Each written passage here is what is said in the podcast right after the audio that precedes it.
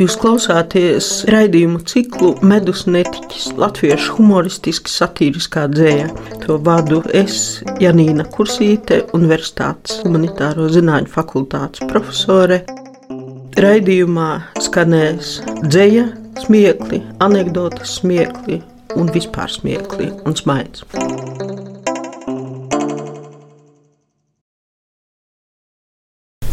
Šīs dienas saruna vai skatu punkts ir fokusēts uz Kārli Vērdiņu, dzimušu 1979. gadā.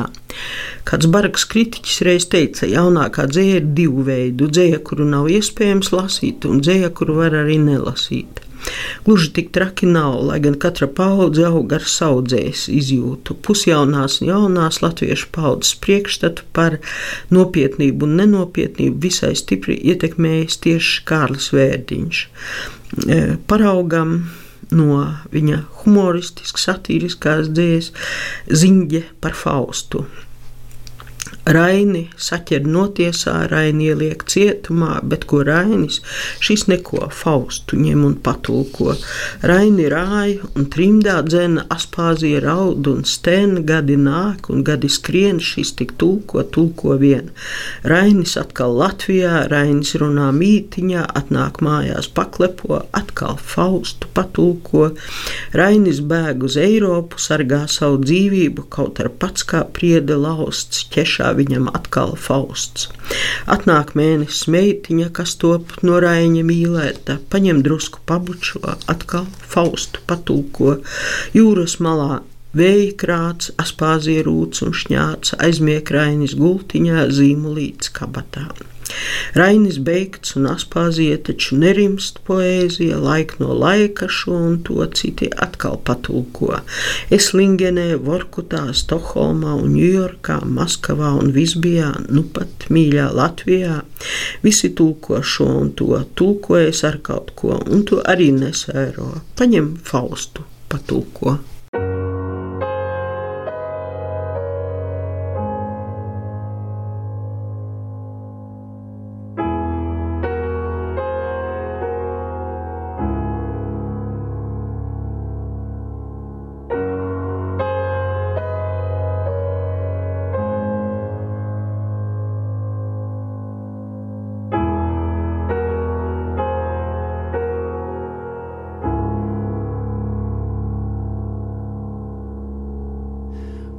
Upes pār manas zemes vaigu, kā slapjas matu šķipsnas paplunčājies un skaties, kā dzēja notek no mūsu pleciem, cik nemanāmi žūst mīlestība, cik nemanāmi žūst.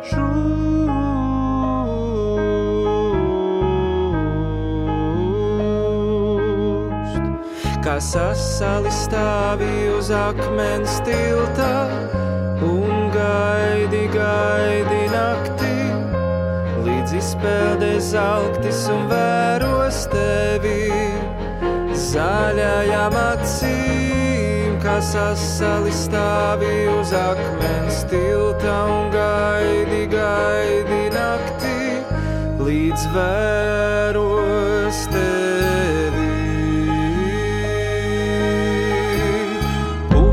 Pār manas zemes vaigu, kā slapjas matu šķipsnas paplunčājies un skaties, kā dzēja notek no mūsu pleciem,